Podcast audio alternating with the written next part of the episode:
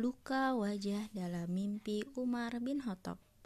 Pada suatu malam, Umar bin Khattab terjaga menggambarkan mimpi yang baru saja dialaminya. Siapa lelaki dari Bani Umayyah yang terluka di wajah itu?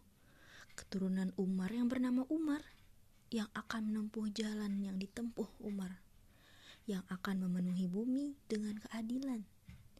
Selama bertahun-tahun, anak keturunan Umar bin Khattab menerka-nerka.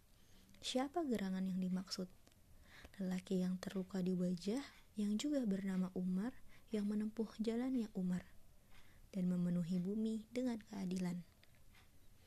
Hingga kemudian pada suatu hari, ketika Umar bin Abdul Aziz kecil masuk ke dalam kandang kuda milik ayahnya untuk melihat-lihat, tiba-tiba seekor kuda menendangnya, melukai wajahnya.